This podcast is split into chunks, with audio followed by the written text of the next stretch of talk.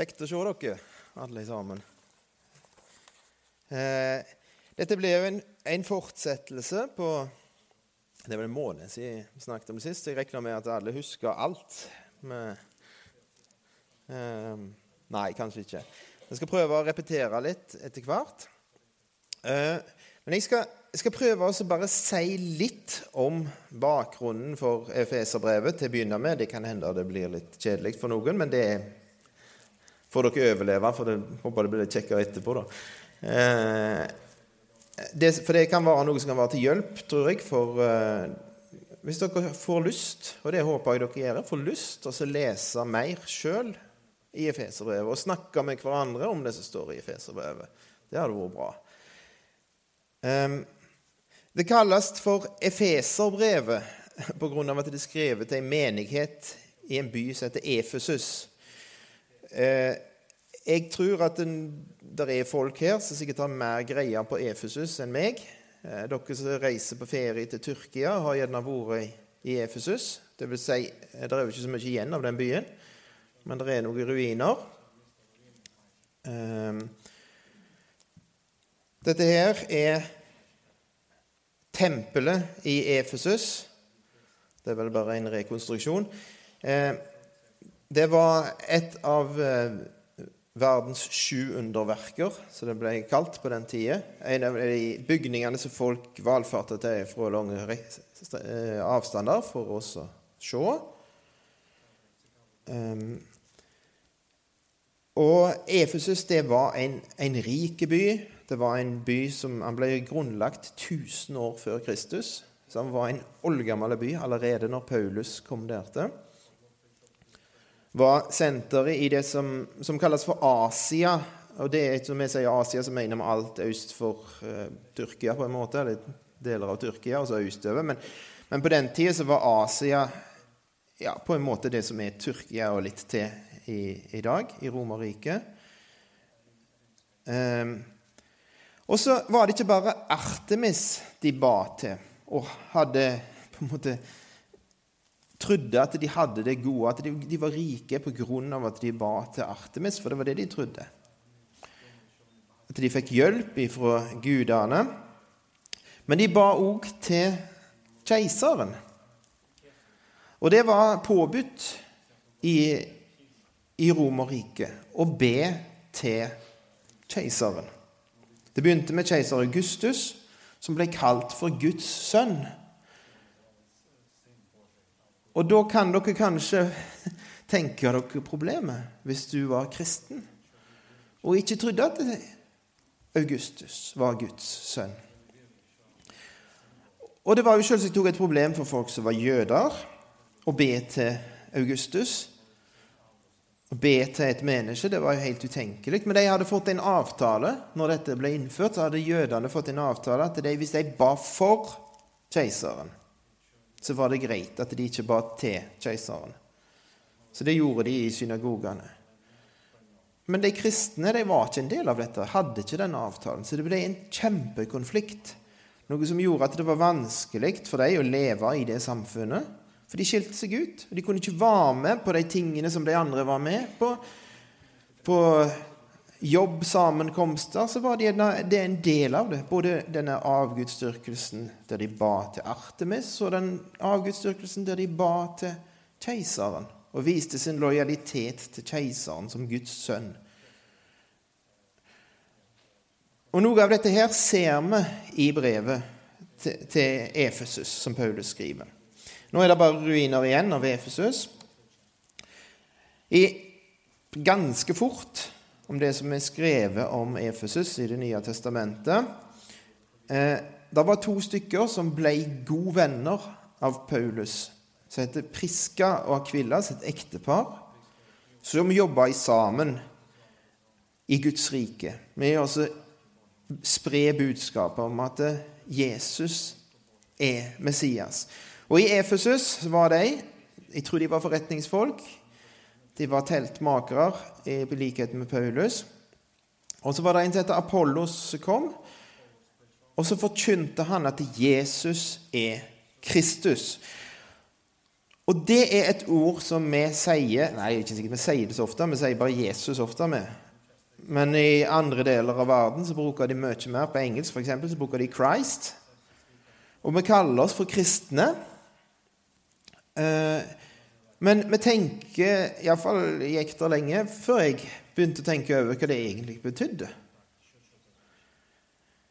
Men vi synger en, en barnesang 'Jesus er kongen min'.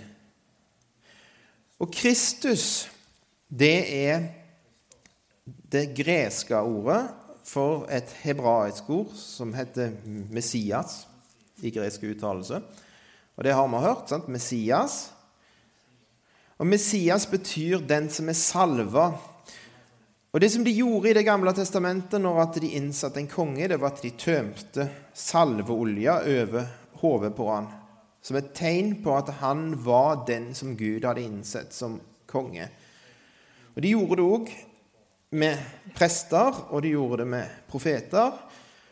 Alle de tre sidene er en del av Messias, men det som er, står mest i framgrunnen, det er at han er kongen. Jesus er kongen, ikke keiseren. Keiseren er underordna Jesus. Jesus står overalt. Lojaliteten vår går over det. Det forkynte eh, Apollos. Og så kom Paulus i kapittel 19 i apostelgjerningene, og så forkynte han det samme. Guds rike står det i kapittel 19 vers 8 at han forkynte.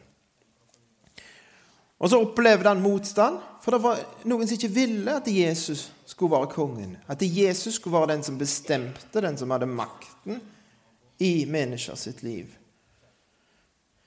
Guds rike, hva, hva er det for noe? Eh, nå er vi i kongeriket Norge. Eh, mer eller mindre frivillig. Noen er, kunne godt tenkt seg vært tilbake til et annet rike, Ukraina. Og begge de to rikene finner vi i, på et verdenskart. Men finner vi Guds rike på et verdenskart? Vi gjør jo ikke det. Men eh, vi sang i den første sangen vi sang, så sang vi at du, hva er det, du leder oss gjennom Guds rike på jord. Hvor er det henne, da?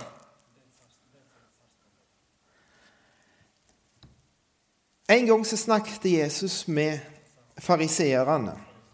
Det var de lærde i, Israel. Også, og de var motstandere av Jesus. De fleste av dem ville ikke ha noe med Jesus å gjøre. Og så sier han, står der i, i min bibel så står det at, Gud, at, Jesus sa til dem at Guds rike er inni dere. Og det står det ikke i alle bibeloversettelser. For i noen oversettelser så står det Guds rike er iblant dere. Og Det er for at det ordet som er oversatt der, det kan bety begge deler. Og da må de bare bestemme seg, de stakkarene som skal oversette Bibelen. For det kan bety begge deler. Hva skal de velge? Men akkurat i det tilfellet der så tror jeg, uten å ha voldsomt greie på det, at det er feil å si Guds rike inni dere. Du kan ikke si til fiendene, de som ikke ville ha noe med Jesus å gjøre, at Guds rike er inni dere. Det gir ikke mening. Men Guds rike var iblant de. For iblant de så gikk der folk som hadde Jesus som konge. Som hadde sett hvem han var, og så hadde de han som sin øverste autoritet, sin herre.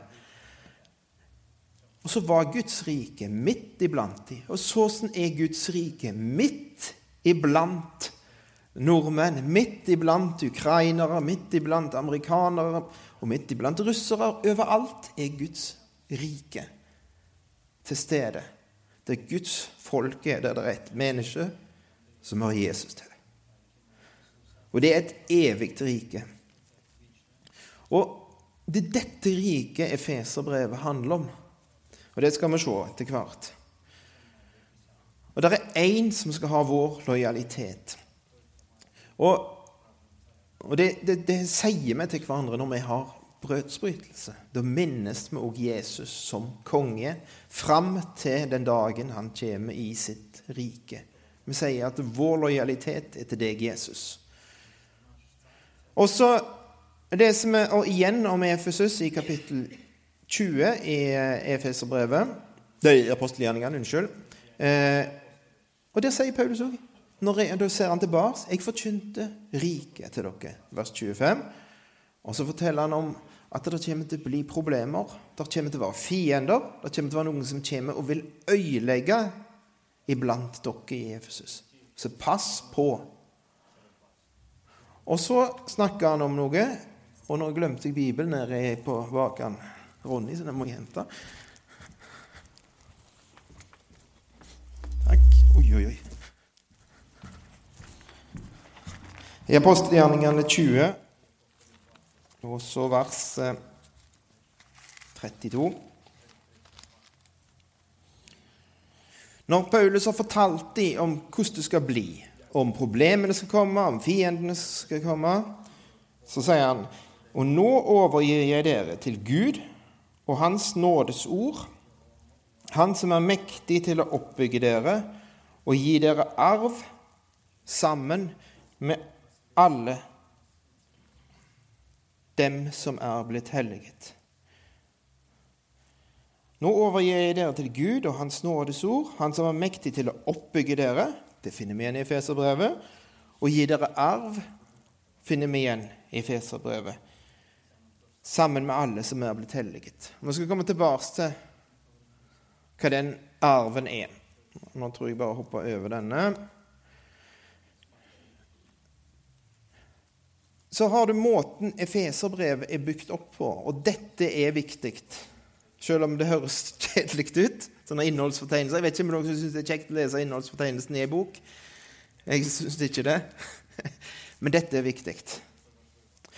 For vi begynner Av og til, noen av oss, syns det er utrolig greit å høre om hva Gud har gjort. Om at frelsen er 100% av nåde. Det er ingenting vi skal gjøre sjøl. Alt er av Gud. Og så kan vi hvile og nyte det som Gud har gjort. Det syns vi er fint. Og så er det noen andre da, som reagerer på dette greiene og sier men, ja, men skal, vi, skal, dere ikke gjøre noe? Skal dere ikke sitte på røde hele tida? Det er folk der ute som må få høre om Jesus. Det er folk der ute som trenger hjelp. Vi skal være Kristi kropp på jorda. Vi skal faktisk gjøre noe. Det er jo derfor vi er frelste. Vi er ikke frelste for å sitte og ha det, det kjekt. Og så fokuserer de knallmye på, på det. Hva vi skal gjøre, hvordan det burde egentlig være med oss. Hva skjer da? I alle fall hos meg så skjer det voldsomt lett at jeg blir motløse. Jeg mister motivasjonen, for jeg klarer ikke og holde motivasjonen oppe når det bare er ting jeg skal gjøre. Men det er sant at det Gud vil at vi skal gjøre noe. Og der er rekkefølgen viktig. For det er viktig å snakke om det som Gud har gjort først. For når vi ser det som Gud har gjort, så får vi en trygghet i bånd, og vi får en motivasjon til å faktisk være villige til å ta prisen og ta kampen, for det er snakk om kamp. Det er snakk om noe som koster noe. Og da trenger vi noe som gir oss både håp om at dette faktisk kommer til å gå bra, og at det er verdt det, og at det er vits, og at det er alt dette trenger vi. Men så må vi òg gå videre fra det som Gud har gjort, til å leve.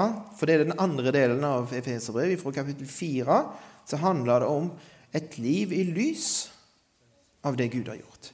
Så vi må begynne i rette enden, men så må vi ikke stoppe. For at Gud vil faktisk at det skal bli en forskjell i livet vårt. Han vil ikke bare frelse oss for evigheten, at vi slipper en evig fortapelse, men han vil forandre oss. Han vil forandre livet vårt. Guds rike skal få innflytelse her i Norge, her på Karmøyene, her på Sævland, så skal Guds rike være midt iblant folk, og så skal det bli synlig i livene våre. Det som er i himmelen, det skal komme på jorda. Det snakket vi om sist gang. Og her, bare for å repetere bakgrunnen, bakgrunnsmusikken i Efeserbrevet, er når Israel skulle innta det landet som Gud hadde gitt dem. Og det blir kalt for arven. Og En arv det er noe som du gir videre til neste generasjon. sant? Det er sånn vi tenker. En arv gir du videre. Og først, For å kunne gi noe videre, så må du få den.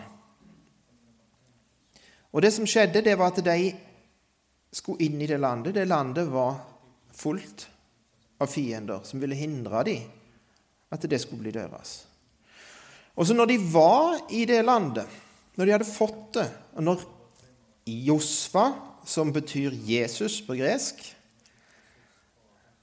altså forbildet på han som er den sanne kongen, den salvede Messias, Jesus Kristus Når han hadde på en måte fått kontroll over hele dette landet, så levde de i en tilstand der de var omgitt av fiender. Det var folk som ville ta dette ifra dem igjen, det de hadde fått.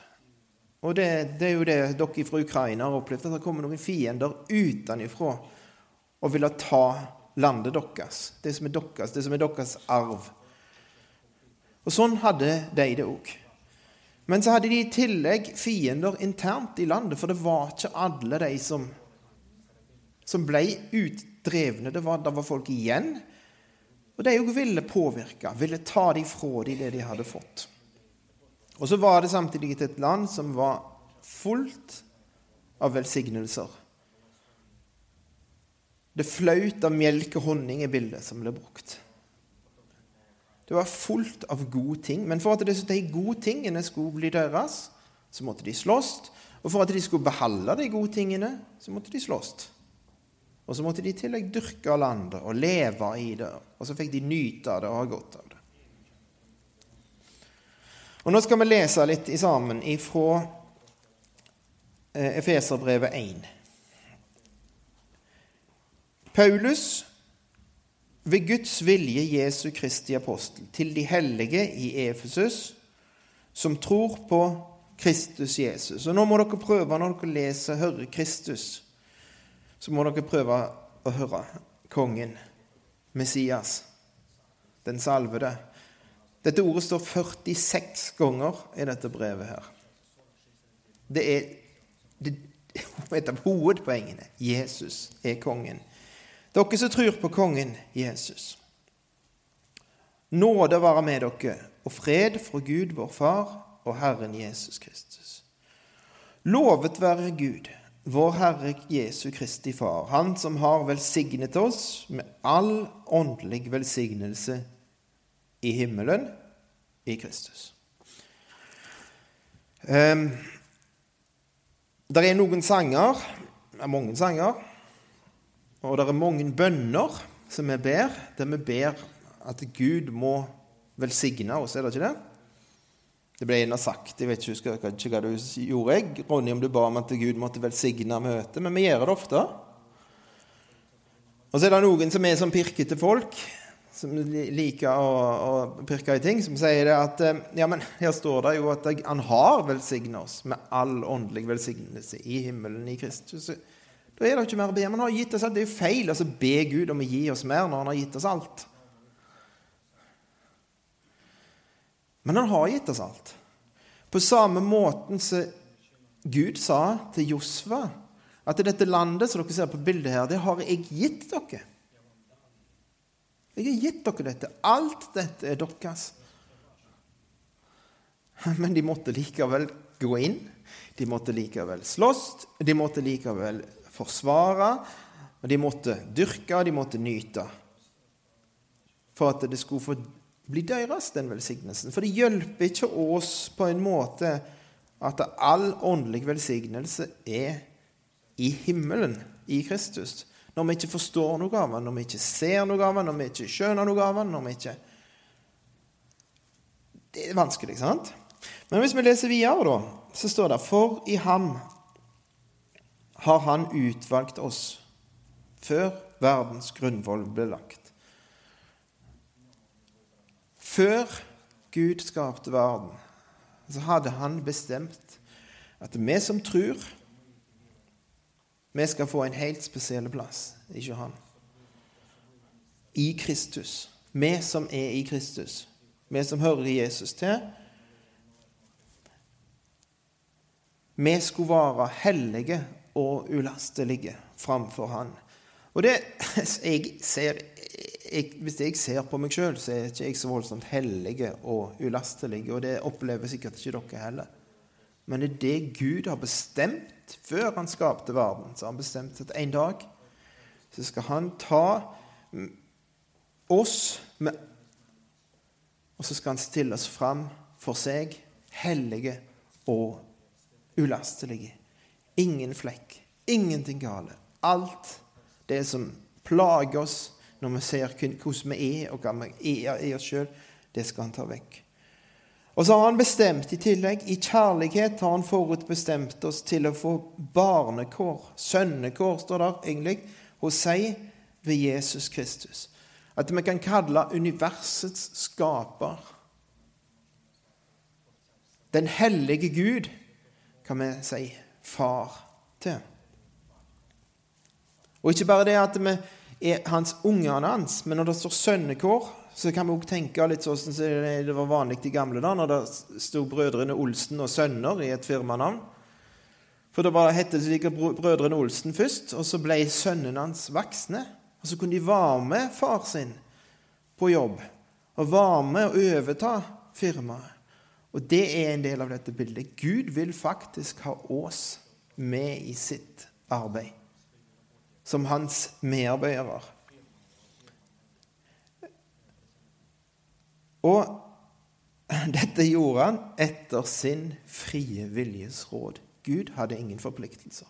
Gud trenger ikke gjøre frelse meg og deg. Han har ikke noe behov for oss egentlig. Og ingen forpliktelser i forhold til oss. Men han bestemte seg helt frivillig for at han skulle ta noen syndere, noen som var opprørere mot ham, noen som ikke ville ha noe med han å gjøre, og så skulle han gjøre de til sine sønner, både damer og mannfolk. I ham har vi forløsningen ved hans blod, syndenes forlatelse, i henhold til hans nådes rikdom. Altså det, det, det er nok syndenes forlatelse. Gud er ikke fattig på det. Han er rik på det. Og så har han gitt oss denne nåden, står det, i rikt mål. Med all visdom og forstand så har han gitt oss det vi trenger for å forstå det. For å nyte det, for å ha glede av det, for at det skal forandre oss.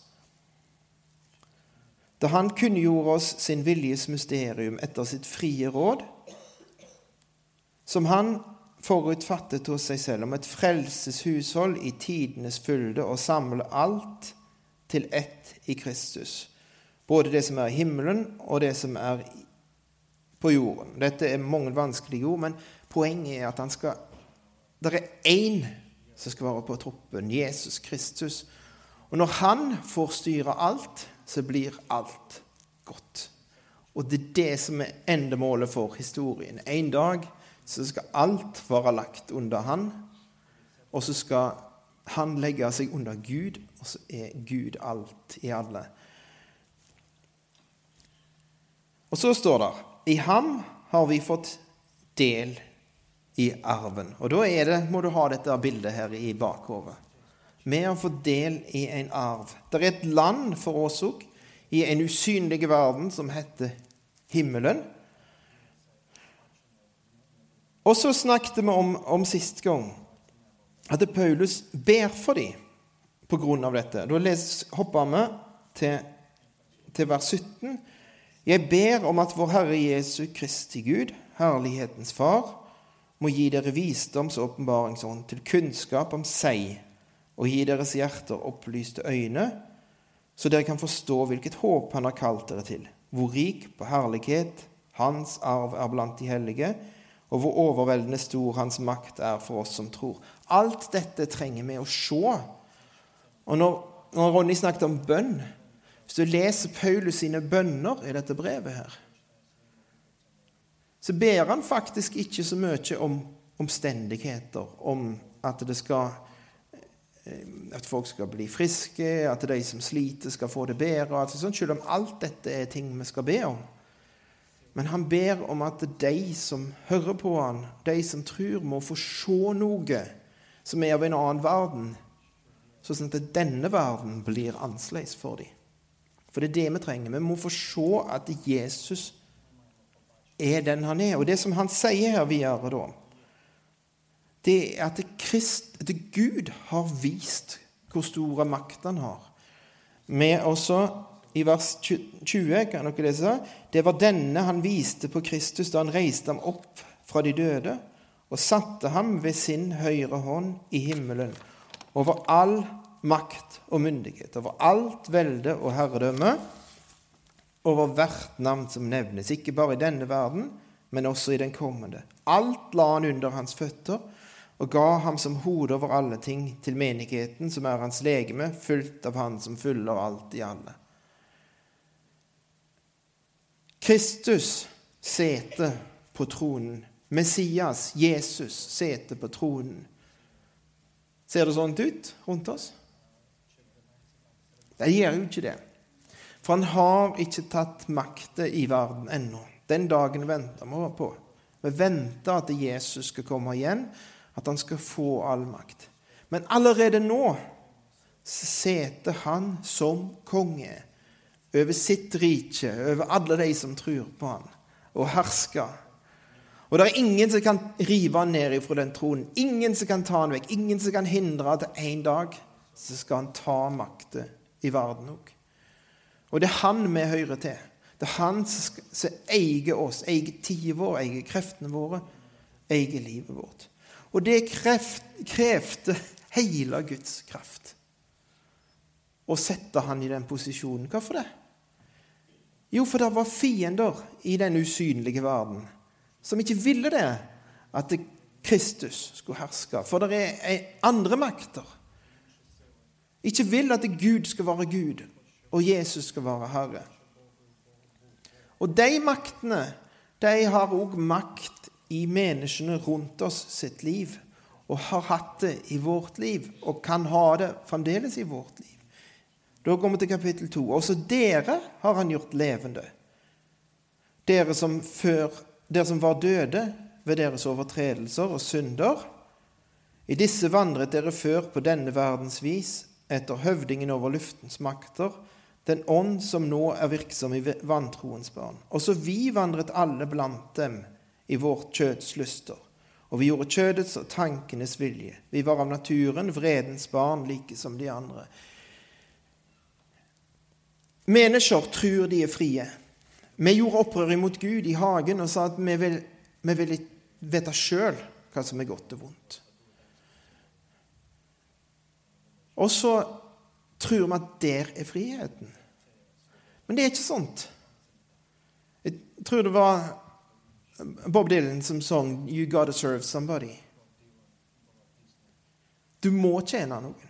Mennesker er sånt. Du må, du må ha en herre. Og hvis du ikke har Jesus som herre, så er det en annen som bestemmer i livet ditt. Uansett hvor fri du føler du er. Og hvor fri du er fra all slags bindinger og kan gjøre det du vil, og trenger ikke ha noen sånne knugende tanker om hva som er sunn og ikke sunn. Altså. Du er ikke fri. Men du er bestemt av ytre påvirkning. Det er en ånd som er virksom i vantroens barn, står det her. Og så er det noe, noe inni deg som heller ikke vil det gode. Noe som ikke har grenser, noe som heter kjøtet. Det vi har lyst til. Men Gud, vers 4. Men Gud, som er rik på miskunn, han har gjort oss levende. Og så har han sett oss, står det. Han reiste oss opp sammen med han, og så setter han oss med han i himmelen. Der oppe som Jesus sitter, over all makt og myndighet. På sida av han så sitter jeg du. Som medherskere. Som noen som ikke skal være beherska av fiender, men som skal herske. Og det er det som er målet som Gud har med oss i vårt liv. Vi skal ikke være beherska av kjøtet, av det som er inni oss, av de, de lystne, driftene som vi har. Vi skal ikke være beherska av de ytre tankene som kommer inn fra utsida.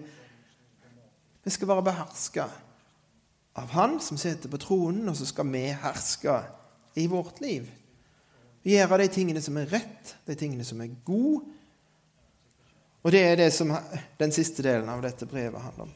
Men så er det og Nå begynner tida å gå mot slutten her. Men det som en i tillegg har gjort, det er at vi For nå er det et problem her i hele greia. For, for dette landet her, hvis du tenker på Det gamle testamentet, så var det gitt til Israel.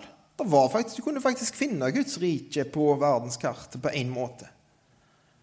Det var et land som het Israel, og i det landet så bodde det tolv stammer. Og de hadde en spesiell avtale, en pakt med Gud, om at de skulle være hans folk. Og de hadde et løfte om en som heter Messias, som en skulle komme som konge og gjøre alt godt. Og så hadde de et løfte om at eh, det skulle komme en ny pakt. For det som var problemet med den avtalen de hadde med Gud, det var at eh, hvis dere gjør det, så skal jeg gjøre det. Hvis dere gjør det, så skal dere få lov å være det for meg, sa Gud. Men problemet var at de gjorde ikke det, de. De klarte ikke det. De ville ikke det. De ville ikke gjøre Guds vilje. For det var noe galt med hjertene deres. Med deres innerste drivkraft var det noe galt. For den ville noe annet. Og så sa Gud at en dag så skal det komme en nye pakt, en ny avtale. Og den pakten er det ingenting Den kan du lese om i Jeremia 31, 31 når du kommer hjem. Det er ingenting som vi skal gjøre, som de skal gjøre. Jeg skal, jeg skal, jeg skal, sier Gud. Og jeg skal aldri mer komme på det galne dere har gjort. Syndene deres. Det skal aldri mer dras fram. Og jeg skal gi dere et nytt hjerte. Og jeg skal skrive lovene mine på hjertet deres, sånn at dere har lyst til å gjøre min vilje. Er ikke det flott? Det er bare det at det er bare for Israel. Husk derfor, vers 11 i kapittel 2, at dere før var hedninger i kjøttet og ble kalt uomskårne av de såkalte omskårne. Husk at dere på den tid var uten Kristus, uten Messias utestengt fra Israels borgerrett, fremmede for paktene med deres løfte. Der er vi som er hedninger, for hedninger det er alle som ikke er jøder. Det er ikke hedningene i Afrika som vi har snakket om før, men det er alle som ikke er jøder, er hedninger. Utestengte. Ikke noe håp. Dere var uten håp og uten Gud i verden. Og så er det for mange, mange, mange av de som vi er i slekt med, går på jobb med, på skole med, treffer rundt omkring på, som står på sida av fotballbanen, så treffer vi folk som er uten håp og uten Gud i verden. Ingen framtid og ingen Gud Men nå, i Kristus Jesus, er dere som før var langt borte, kommet nær til ved Kristi blod. For han er vår fred. Han som gjorde de to, altså de to, jøder og hedninger, til ett, og brøt ned det gjerdet som skilte dem, fiendskapet, da han ved sitt kjøtt avskaffet den loven som kom med bud og forskrifter. Dette gjorde han for i seg selv å skape de to til et nytt menneske. Og slik stifte fred, og i ett legeme forlike den begge med Gud, med Gud ved korset. For der drepte han fiendskapet. Og han kom og forkynte evangeliet om fred for dere som var langt borte, og fred for dem som var nær ved. For gjennom ham har vi begge adgang til Far i én ånd. Så er dere da ikke lenger fremmede og utlendinger, men dere er de helliges medborgere og Guds husfolk, bygd opp på apostlenes og profetenes grunnvoll, og hjørnesteinen er Kristus Jesus selv. I ham blir hele bygningen født sammen og vokser til et hellig tempel i Herren. I ham blir også dere sammen med de andre bygd opp til en Guds bolig i ånden.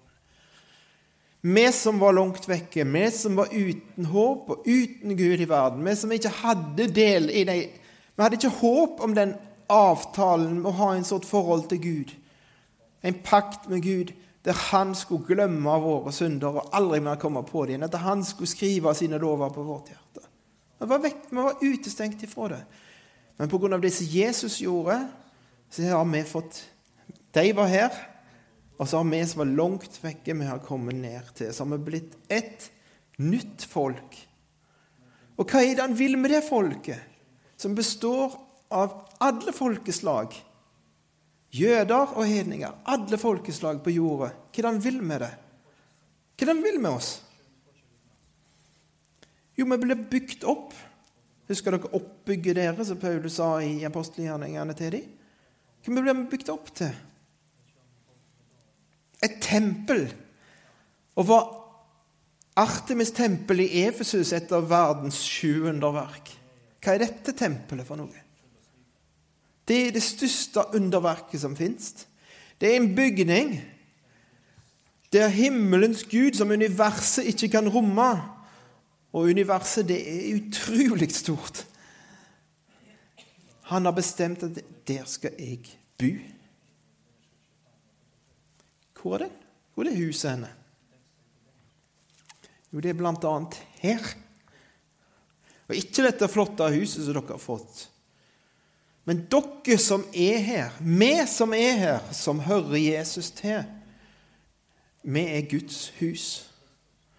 Og vi må passe oss når vi tenker på menighet, når vi tenker på menighetsliv, så er det en tendens i vår tid at eh, alt skjer her framme. Vi kaller det til og med for scenen av og til. sant? Og så sitter der en gjeng med tilskuere og ser på. Og så ser vi gjerne noen òg ser på, på nettsidene hvem er det som skal preike, og så ser vi ja hmm, Nei, han er kjedelig.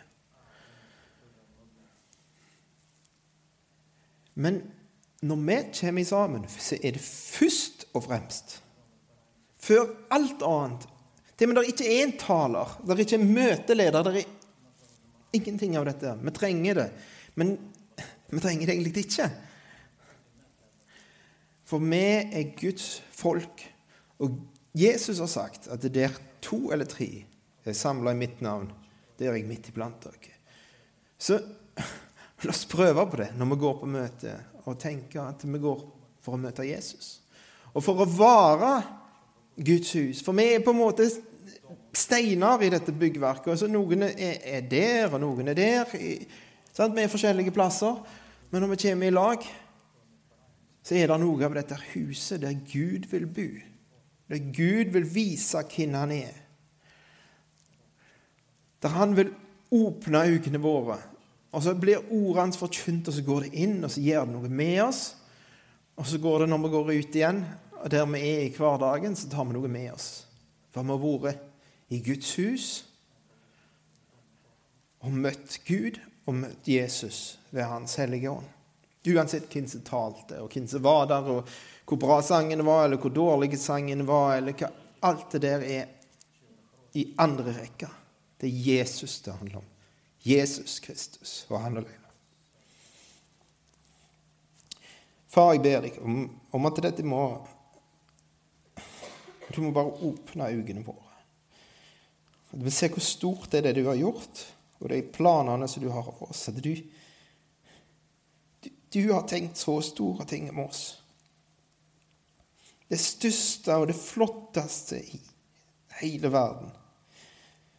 Det er din menighet ditt hus, som vi får være en del av. Og så får vi være med å bygge på det, får vi være med å være bygningsmenn i ditt rike. Og så det flotteste av alt En dag så skal det komme dette huset ned ifra himmelen, prynta som ei brur for sin brudgom. Og så skal Guds bolig være iblant menneskene i all evighet. Takk for det ber for denne forsamlingen her på, på Josheim. Ber om at du må gjøre store ting. At lyset ditt må skine. At tilbedelsen må stige opp til deg, og at det må bli en forandring i livet vårt. Amen.